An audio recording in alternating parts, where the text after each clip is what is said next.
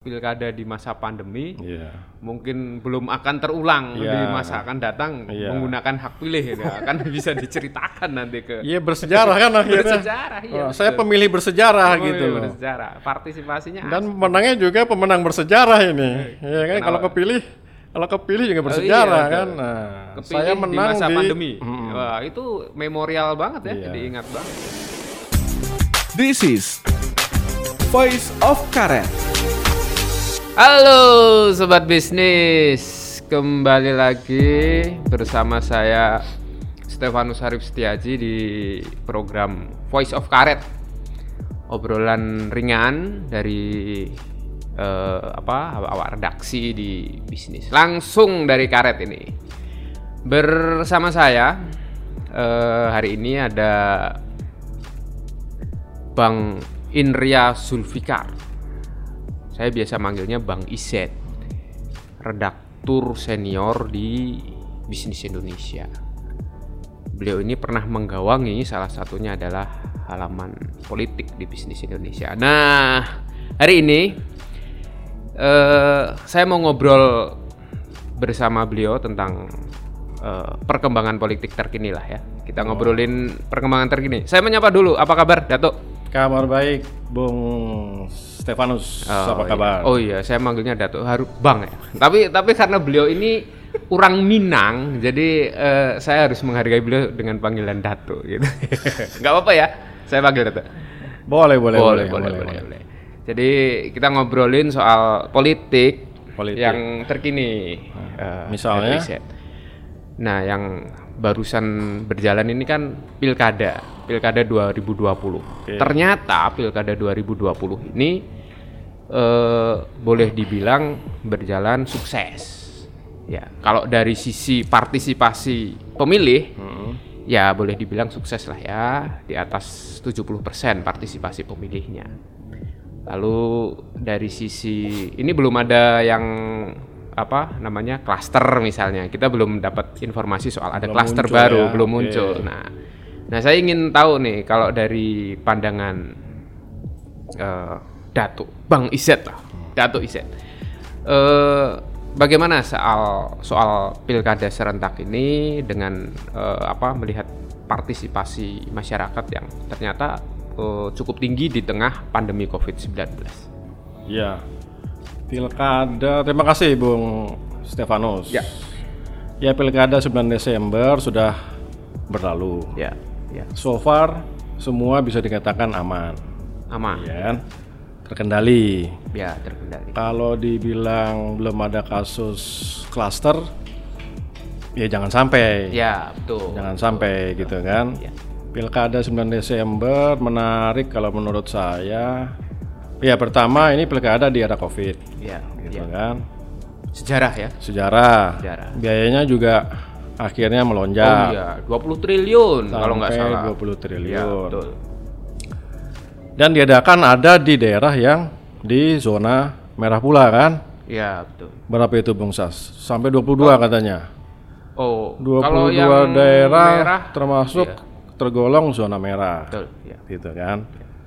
Terus juga diikuti kalau saya lihat banyak calon pemimpin yang generasi muda juga. Oh ya, lebih dari Iya kan? 10 lah. Lebih dari lah. 10. Usianya di bawah rata-rata 30-an tahun, di bawah 30 Ya, tahun. ada yang 24 ya yang dari Millennials. Tuban ya kalau nggak salah tuh ya. Oh iya, iya. Ya kan.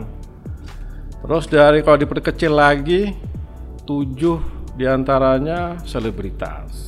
Ya nggak? Selebritas. Wah, iya menarik juga ya. Tujuh bukan? ya.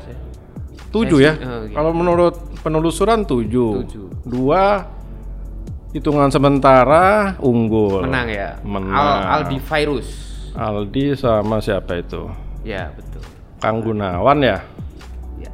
Gitu oh, kan. Sahrul Gunawan. Sahrul. Sahrul Gunawan, penyanyi, penyanyi. Sahrul Gunawan. Iya, penyanyi, betul. Iya. Sahrul Gunawan, bintang sinetron. Jadi menarik gitu loh. Tinggal nanti eh Februari kali ya setelah pelantikan, Pelantikan Februari. Februari.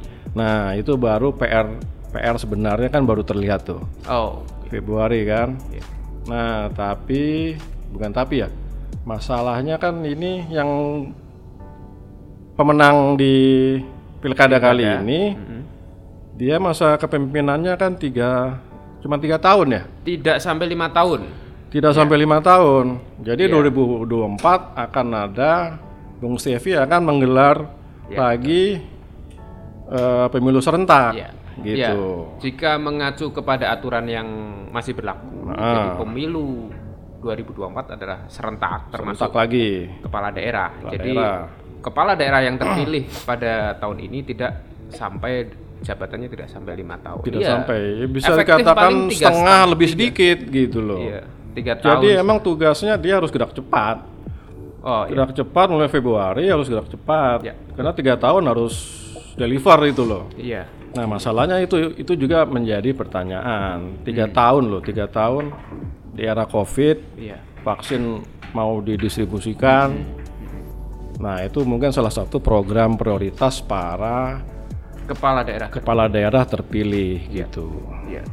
mungkin Jadi- gitu dari sisi eh setelahnya what next-nya itu mungkin yang harus Oh, iya. Jadi dilihat lebih mereka jauh. punya tantangan di situ ya untuk merealisasikan janji politik mereka Tuh. dalam waktu yang sangat singkat, Ah-ah, gitu. dalam waktu tiga tahun. tiga tahun. Nah, kira-kira langkah yang bisa diambil bagaimana ini Datuk, Iya. untuk para kepala daerah terpilih ini? Mereka harus Mungkin sebentar, mungkin kalau buat saya bayangannya begini, bu- buat mereka yang petahana barangkali tidak menjadi soal. ya, Tapi mereka yang baru, nah ini kadang menjadi persoalan. ya. Alasan birokrasi dan, Betul. dan lain sebagainya. Biasanya itu juga butuh mereka butuh adap- adaptasi nih. Penyesuaian, adaptasi. Nah, bagaimana? Ya itu eh, tuntutannya adalah harus kerja cepat kali ya. Kerja cepat. Iya, gagapnya jangan lama-lama gitu loh. Gagapnya jangan lama-lama. gitu loh, Bung. Apalagi- Bung Stevi, gagapnya jangan lama-lama. Eh, Protapnya juga harus bikin cepat Iya, gitu iya. kan. Jadi janji politik tuh benar-benar harus di segera di realisasi. dipenuhi, Iya. direalisasikan gitu kan. Nah, Tiga tahun ya ya cepat sekali gitu loh. Iya, tiga tahun cepat. Jadi jangan sekedar yang sebelumnya tidak dijalankan, Iya. di- terus di era dia langsung dibikin yang baru gitu loh. Ya nggak begitu juga gitu loh. Jadi tantangannya per daerah kan beda-beda Iya. gitu loh. Tapi secara umum tantangan COVID di daerah kan sangat serius gitu kan. Investasi eh, loyo, tenaga kerja juga berkurang, dirumahkan PHK dan segala macam. Lalu perdagangan segala macam kan juga harus digairahkan gitu loh. Jadi tantangannya kerja cepat, efektif dan membuahkan hasil. Gitu kira-kira. Yang muda ini yang apa mungkin Iya. eh, apa namanya? Ya tantangannya berarti kalau yang muda ini dua Hmm. milenial ini kan Ha-ha. mereka harus beradaptasi dengan birokrasi ya Oke. kan yang baru pertama kali mungkin baru mereka masuki gitu Mm-mm. dan tantangan yang kedua juga kondisi pandemi kan jadi Betul. nggak nggak gampang jadi Kombinasi yang ya. ideal mungkin yang yang satu sudah pengalaman birokrasi, ya terus wakilnya mungkin baru. Jadi bisa tandem tandemannya bisa lebih lebih serasi gitu ya. ya Tapi kalau sama-sama baru ya repot juga ini. repot Ya. repot juga Eh, Harus belajar ke siapa seniornya atau apa. Kalau sama-sama baru eh, banyak nggak yang begitu? Ba- banyak yang sama-sama baru repot juga itu. Tapi yang kalau ya ini, yang menarik juga mungkin ada yang benar-benar baru Hmm. tapi dia eh, apa sebelumnya ini kan ada beberapa calon kepala daerah yang dia cuma melanjutkan eh, apa estafet dari eh, suaminya misalnya Oke. kayak di mana itu Sukoharjo Hmm. Kabupaten Sukoharjo ya Kabupaten Sukoharjo Kabupaten Banyuwangi Hmm. kemudian mana itu eh ada lagi di yang melanjutkan setelah suaminya itu ya ada beberapa lah ya. Hmm. Nah, jadi estafetnya kayaknya lebih gampang tuh dari Oke. suami ke istrinya. Hmm, hmm, kayaknya hmm. kayaknya mungkin dibantu apa? Dibantu birokrasinya suami mungkin ya. Iya. asik juga ya dari suami ke istri atau istri ke suami harus lewat pilkada gitu loh.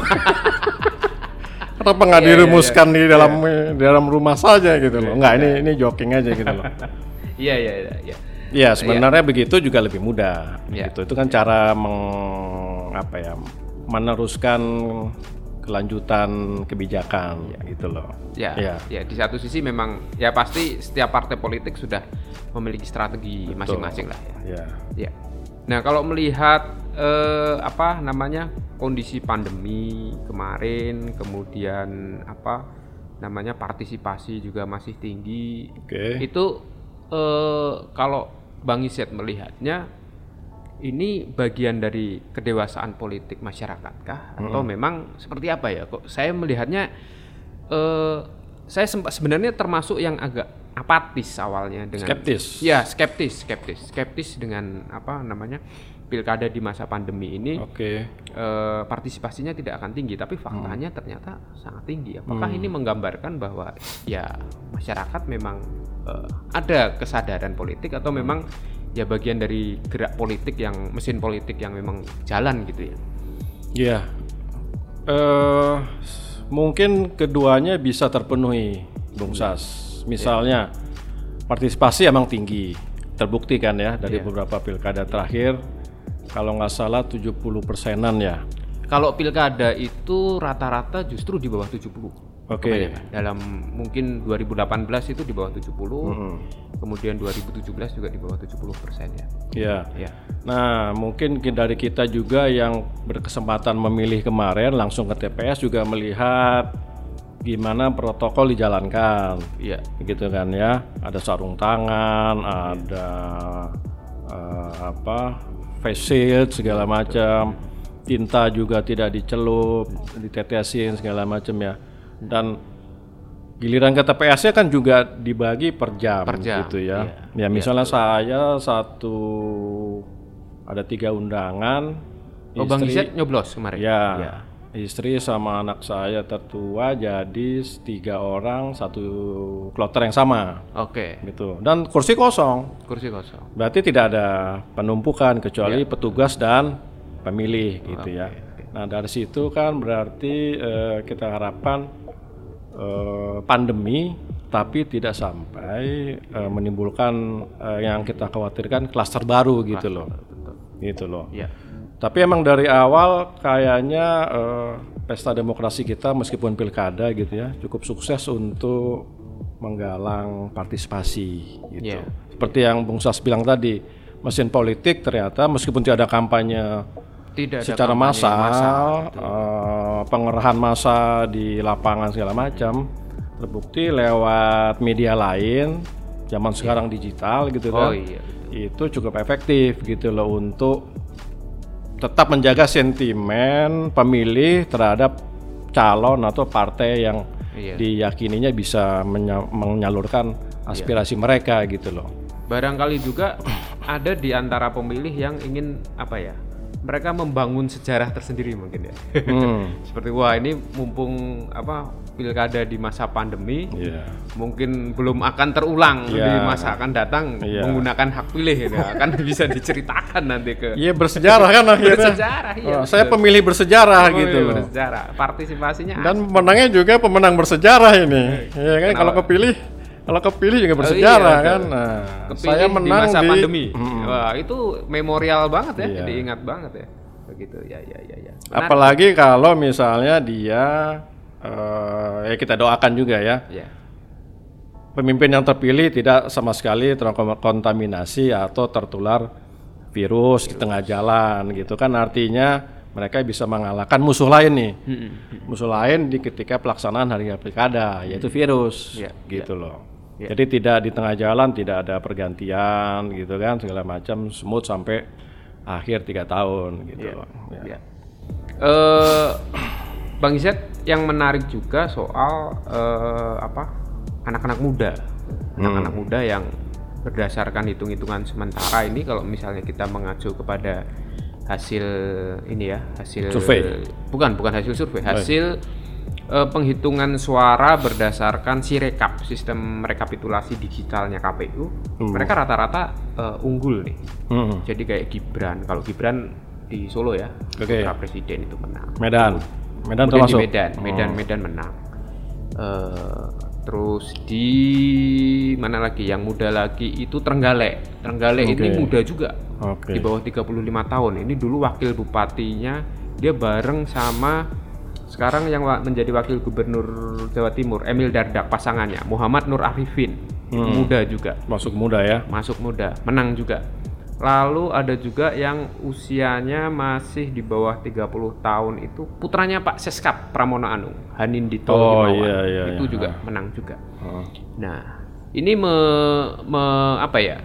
Semacam memberi angin segar barangkali ya buat politik eh, di Indonesia bahwa partisipasi anak-anak muda di untuk masuk ke birokrasi muncul gitu. Hmm. Ya terlepas bahwa ini masih terah dan ini itu dan lain sebagainya. Iya. Tapi tapi ada keyakin apa ada ke ke apa ya semacam keyakinan atau semacam Confidence gitu ya. ya bahwa ternyata anak-anak muda sudah mau berani bertarung di politik nih. Hmm. Nah, kira-kira kalau Bang Iset melihatnya apakah nanti tren ke depan itu akan lebih banyak misalnya taruhlah eh, politisi-politisi muda yang apa yang menguasai ya mereka yang banyak berpartisipasi Iya. termasuk misalnya begini eh apa apakah memang mereka benar-benar bisa mampu memimpin birokrasi ini kan sebuah Oke. tantangan sebuah Betul. tantangan kalau kita bicara birokrasi di Indonesia kan kadang ya ya ruwet lah ya Hmm. Eh, mem- mem- ini bulat ibaratnya kalau orang Jawa bilang bulat gitu Hmm. nah ini tantangan buat buat anak-anak muda sejauh mana inovasi mereka bisa dijalankan ini Hmm.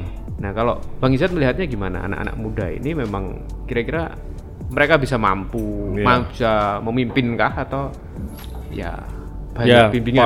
Ya oke. Saya ngeliat juga sepakat tuh. Maksudnya beberapa tokoh muda sudah mulai berani tampil, gitu kan? Iya. Tentunya ini juga saya yakin ini sudah diperhitungkan oleh eh, partai masing-masing gitu kan, sudah digodok dari berbagai sisi untung ruginya seperti apa gitu kan, sudah diperkenalkan kepada pasar gitu kan, pasar pemilih gitu kan. Dan akhirnya ketika diadu juga perolehannya tidak mengecewakan gitu. Iya, Meskipun baru beberapa gitu kan ya. Nah, ini kan menjadi latihan yang sebenarnya untuk mereka tampil gitu loh. Iya, iya. Kalau nggak diberi kesempatan, ya kapan bisa muncul, Hmm, gitu kan? Jadi eh, latihan kepemimpinan realnya ya bisa lewat eh, kalau secara politik untuk mau meneruskan ke yang birokrasi yang lebih tinggi, ya pilkada menjadi salah satu batu loncatan gitu kan? Iya, iya, iya, gitu. betul. Jadi ini ujian sebenarnya mereka untuk membuktikan janji politiknya gitu loh. Nanti diukur lagi, ya kan? Tetap diukur lagi. Hmm. Iya, Gimana kepuasannya kan? Betul. Tingkat kepuasan bisa dilakukan melalui survei segala macam. Iya. Nah, nanti kan keluar juga tuh berapa apa angka-angka tingkat kepuasan Mm, mm, mm. dalam tiga tahun itu kan. Iya, iya, iya. Jadi bisa terukur lagi. Jadi memang ini ya, eh, apa namanya, eh, semacam ya boleh dibilang ini angin segar juga. Pilkada ini menjadi angin segar juga untuk Iya. lahirnya eh, millennials millennials di Iya. panggung politik gitu. Mm, kepala daerah milenial. Kepala daerah milenial gitu. Tentu gayanya juga ah, Gaya ya. Kalau mereka sudah tampil dan meneruskan janji politik, mah pasti gayanya juga berbeda gitu loh. Gaya manajemen, gaya memimpin. Iya. Nah itu juga ada semacam kebaruan dalam gaya kepemimpinan kalau pemimpin muda yang tampil gitu. Nah masalahnya kita belum tahu akan seperti apa gitu kan. Iya. Nah kita publik atau pemilih bisa terus memantau nih, Iya. ya kan? Tidak memberikan janji kosong seperti apa. Oh saya sudah memilih, dia sudah tampil, habis itu ya justru terus dikawal. Artinya dikawal ya dipantau terus gitu kan. Saya sih malah berharap. Jangan tampilannya muda tapi gayanya tua gitu loh. Mending tua gayanya muda. Iya. Saya berharap mereka ini bisa memang benar-benar mendobrak ya. Anak-anak Iya. milenial ini benar-benar bisa mendobrak ya. Misalnya me- mendobrak ini bukan ya tadi Bang Iset bilang men- mendobrak bukan hanya dari sisi tampilannya saja, tapi memang dari sisi program ya kan Hmm. Iya. kinerjanya dan keberanian misalnya. Iya. Karena ya karena birokrasi ini kan eh, apa namanya? Ya mereka kan kalau untuk mungkin kalau swasta Hmm. mau menggeser yang senior senior mungkin Iya. bisa ya, tapi Iya. kalau di birokrasi ini kan memang nggak nggak mudah. Jadi Betul. mereka harus berhadapan dan mereka harus berani Ya, nih sama yang artinya kan mereka senior-senior. bisa nggak membangun kultur baru gitu, Kultur baru, Bung Sas. Birokrasi kan, birokrasi sebenarnya netral, iya Iya. nggak?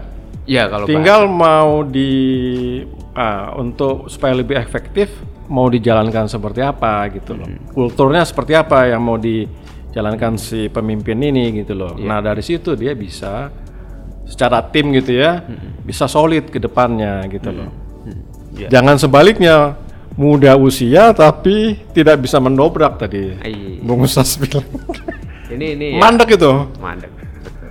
Iya, iya, Eh, kemudian yang menarik juga di Pilkada 2020 ini eh, terkait dengan penggunaan sistem eh, digital. Oke. Digital ya untuk eh, rekapitulasi. Rekap suara. Tapi ya. saya melihatnya eh, sistem rekapitulasi ini eh, apa namanya di beberapa karena ini kan terkendala jaringan internet dan lain sebagainya akhirnya ini ya akhirnya masih apa namanya tidak tidak belum banyak ya apa belum 100% lah ya yang Iya. terkumpul yang kemarin harapannya mungkin dalam berapa hari, Hari, gitu sudah oke. bisa 100% tapi ini eh, sudah apa belum semuanya gitu artinya masih ada kendala teknologi gitu masih Betul. ada kendala-kendala eh, teknologi tapi buat saya KPU menjadi apa ya sangat berani cukup Hmm. berani untuk menggunakan eh, model aplikasi berbasis teknologi untuk rekapitulasi rekapitulasi suara Iya, iya. ya, Ya, terobosan betul. kalau Bang Iset melihatnya Ya paling tidak atau bukan paling tidak ya. Pada akhirnya teknologi harus digunakan. ya Uh, Mutlak ya. Harus harus mutlak digunakan gitu. Iya. Biarpun uh, sekalipun belum bisa digunakan 100% Iya, iya. sepenuhnya, apalagi kita wilayahnya sangat luas, Iya, 270 daerah mengikuti pilkada serentak gitu loh. Iya. Tapi harus dicoba untuk eh, dilaksanakan untuk melihat tingkat keberhasilannya seperti apa Iya, gitu betul. loh. Jadi nanti mungkin untuk persiapan ke 2024 plus minusnya bisa dilihat bisa diukur sehingga bisa diperkuat lagi sehingga 2024 misalnya kalau sekarang misalnya masih 50% atau 25% terimplementasi nah tiga tahun lagi semakin men- mendekati 100% gitu loh. jadi lebih cepat lagi nanti hasilnya diketahui gitu loh. Sehingga biayanya nanti juga mungkin bisa lebih murah lebih murah Ah, ah, karena penyelenggaranya lebih praktis, lebih efisien, tidak birokratis, seperti itu gitu loh. Ya, kemarin KPU memang apa memutuskan untuk menggunakan Sirekap ini salah satunya juga untuk itu efektif Iya. dan mengefisienkan penggunaan kertas misalnya Betul. untuk apa? Untuk mencatat, Heeh. apa, untuk mencatat hasil suara. Gitu. Iya. Tapi yang menarik juga Bang Iset kemarin, yang saya amati ya dari situsnya KPU itu misalnya gini. Eh, Izin boleh nggak ini sembari ini? silakan, Iya kan? silakan. itu memang disediakan untuk Bang Iset. Bung, silakan juga bung. itu kopi rasa teh kayaknya. Iya, misalnya gini, misalnya di daerah eh, Su- Sulawesi mana itu ya kemarin Sopeng itu sudah sampai 100% Hmm. Eh, apa namanya? Pakai Eh, teknologi. Pakai teknologi, pakai si rekapnya sudah sampai 100%. Sementara kayak di Jawa itu di beberapa kayak misalnya di kampung saya di Kabupaten Sleman itu itu masih sekitar 60 70 artinya eh, yang saya bayangkan bahwa oh ini hanya bisa di misalnya akan efektif di Jawa saja. Ternyata justru kayak di daerah-daerah seperti ya saya sih belum pernah sampai Sopeng ya. Belum pernah mengenal teknologi eh, komunikasinya di Sopeng. Tapi ternyata buktinya bahwa di sana sampai 100% Ya mungkin KPU gini pertimbangannya. Justru kan pekerjaan rumah terberat kan di daerah, Bang Stevi ya. Kalau menurut saya ya. Jadi harus di trial di daerah. Gitu ya? Kalau di Jawa infrastrukturnya lebih lengkap, ya nanti mungkin bisa di kemudian atau di belakangin gitu loh. Nah teknologi di daerah itu yang supaya nggak biarpet, lemot, justru harus di diduluin lah, Iya, diprioritaskan gitu loh. iya Nah, daerah eh Jawa tuh bisa nanti kemudian karena kalaupun dia ngejarnya nggak terlalu lama pasti. oh iya Karena udah lengkap, Iya, fiber optik segala macam.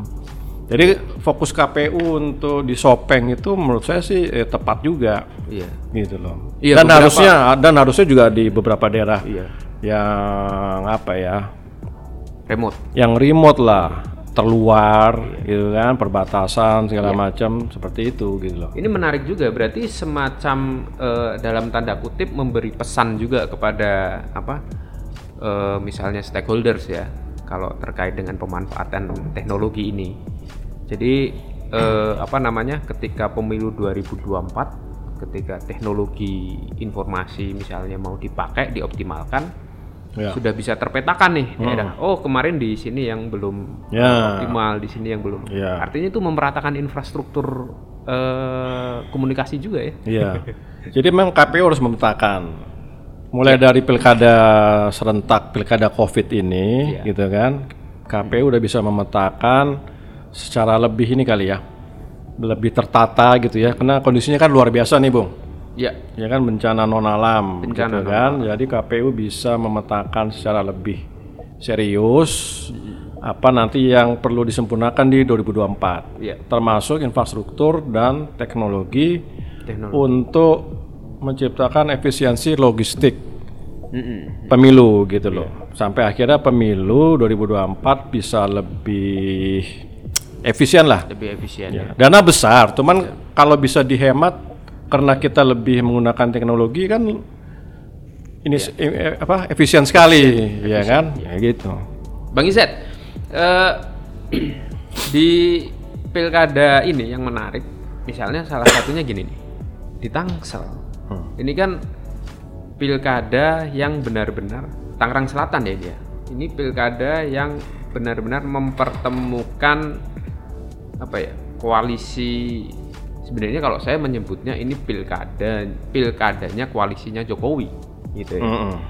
Di situ ada calon dari Partai Golkar. Oke. Si siapa yang diusung itu eh, Pilar Saga dan siapa itu ke Jadi miniatur Benyamin- Benyamin miniatur pi- pemerintahan Jokowi Betul, hari ini. Ya. Oke. Misalnya Benyamin Daphni dan Pilar Saga itu diusung salah satunya oleh Golkar.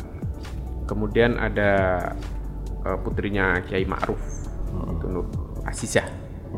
Asisah siapa saya lupa itu namanya.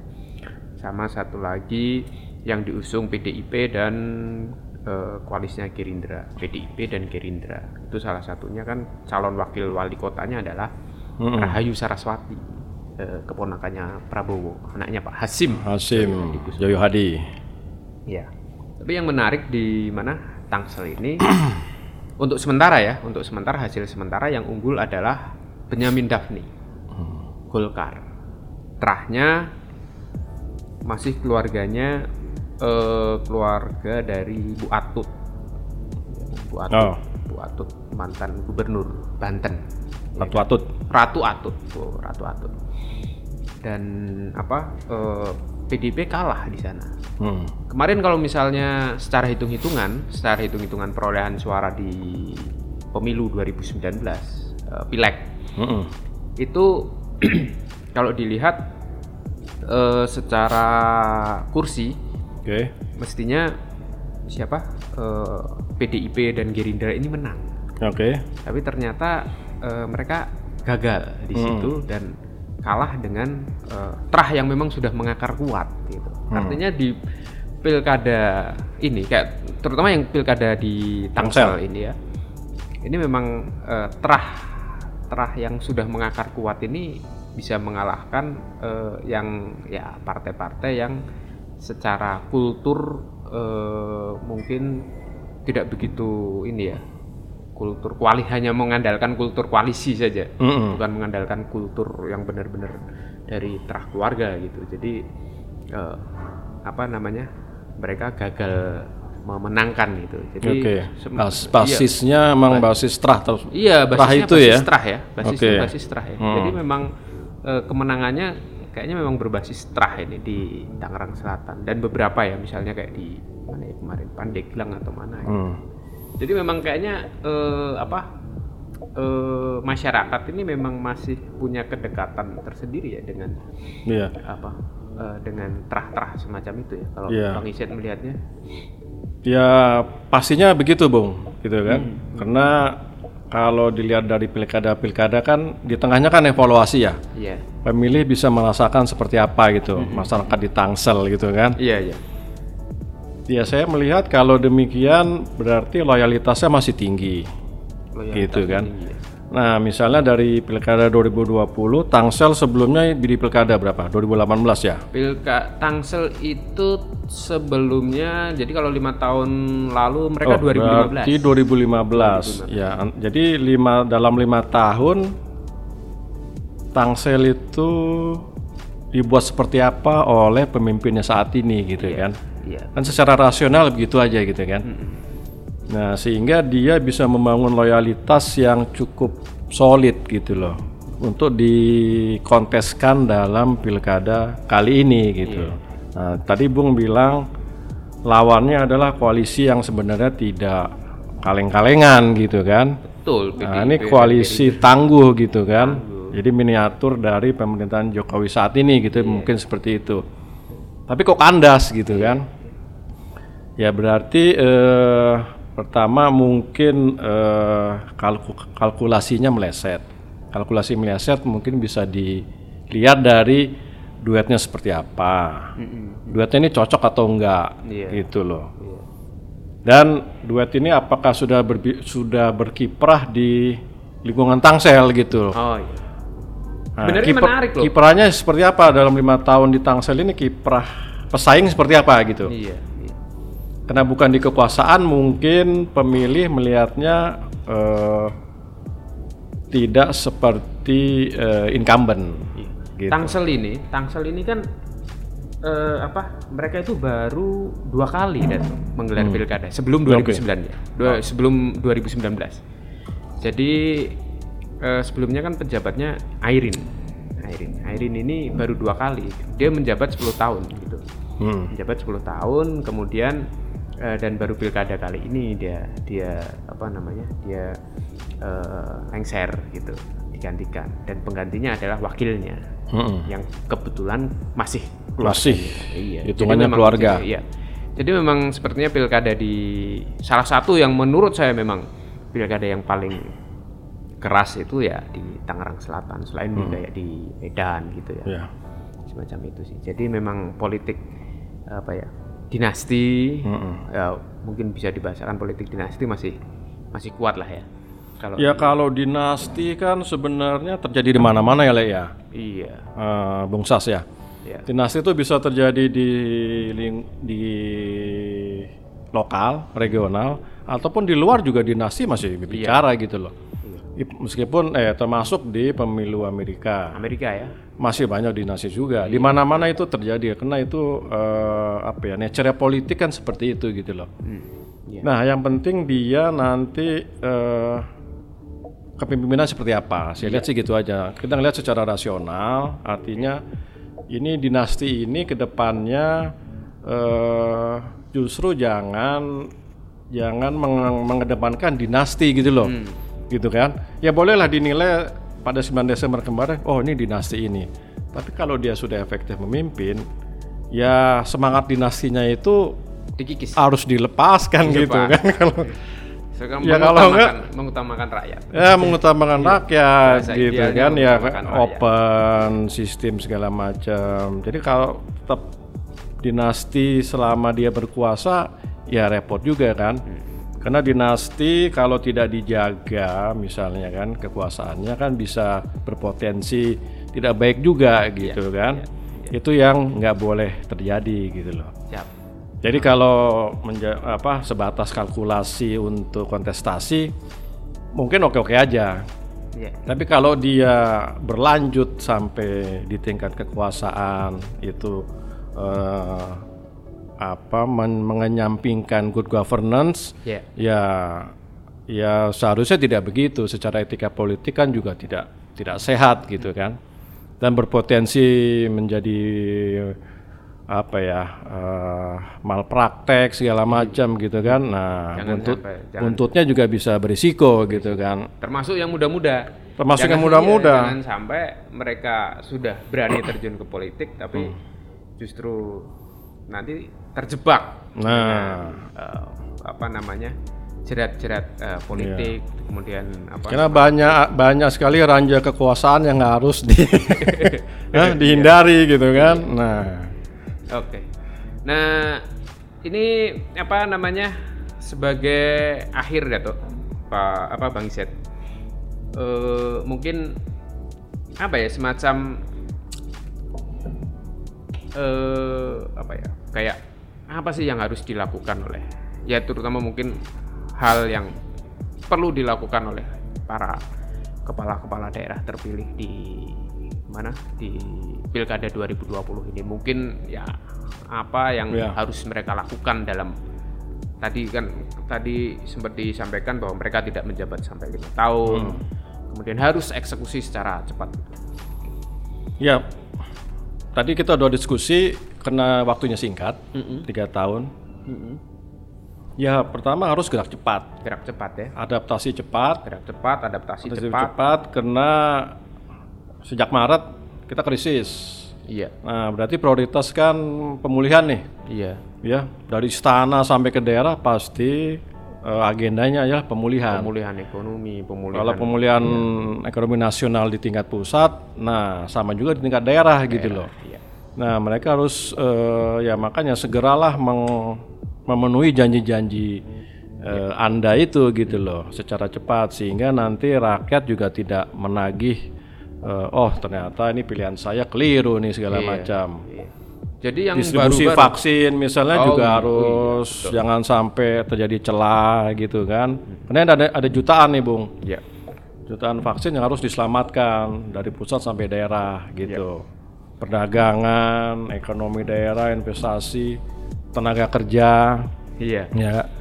Nah, penyerapan tenaga kerja juga nih mungkin menjadi krusial juga kan. Hmm. Namanya juga era pemulihan. Mm-mm. Ya kan? Ekonomi harus pulih di daerah berarti kan harus ada industri, Hmm. industri bergerak, industri pulih, tenaga terserap. Nah, seperti itu mungkin tantangannya. Iya. jadi Nah, yang gaya gaya boleh masing-masing lah lah, ya. iya. Gaya Gaya, sesuai bebas dengan karakter gitu. lah. Iya. Yang penting tadi Iya. Bung Bung Sas bilang terobosan. terobos Oke. jadi kalau yang apa namanya petahana dan lain sebagainya tinggal melanjutkan tapi kalau Hmm. yang baru-baru ini baru terpilih ya kan ya. eh, istilahnya apa ya kagetnya jangan kelamaan gitu ya kan Gagapnya- Iya, gagapnya jangan kelamaan, ya gitu kan. Eh, euforianya- Jangan cuma main di medsos. iya Eh. euforianya jangan kelamaan jadi apa namanya harus segera eksekusi gitu Iya, iya. oke oke bang Iset terima kasih sekali Terima waktunya. kasih Bung Sas atas Sudah ngobrol-ngobrol. diskusinya soal pilkada. bersama saya di Voice of Karet. Jadi waktunya saya eh, menutup obrolan ini. Eh, terima kasih atas eh, kehadirannya. Terima kasih juga yang sudah berkenan untuk mengenar- mendengarkan obrolan kami di Terima kasih kembali. Voice of Karet. Sampai jumpa bersama saya Stefanus Arif Setiaji.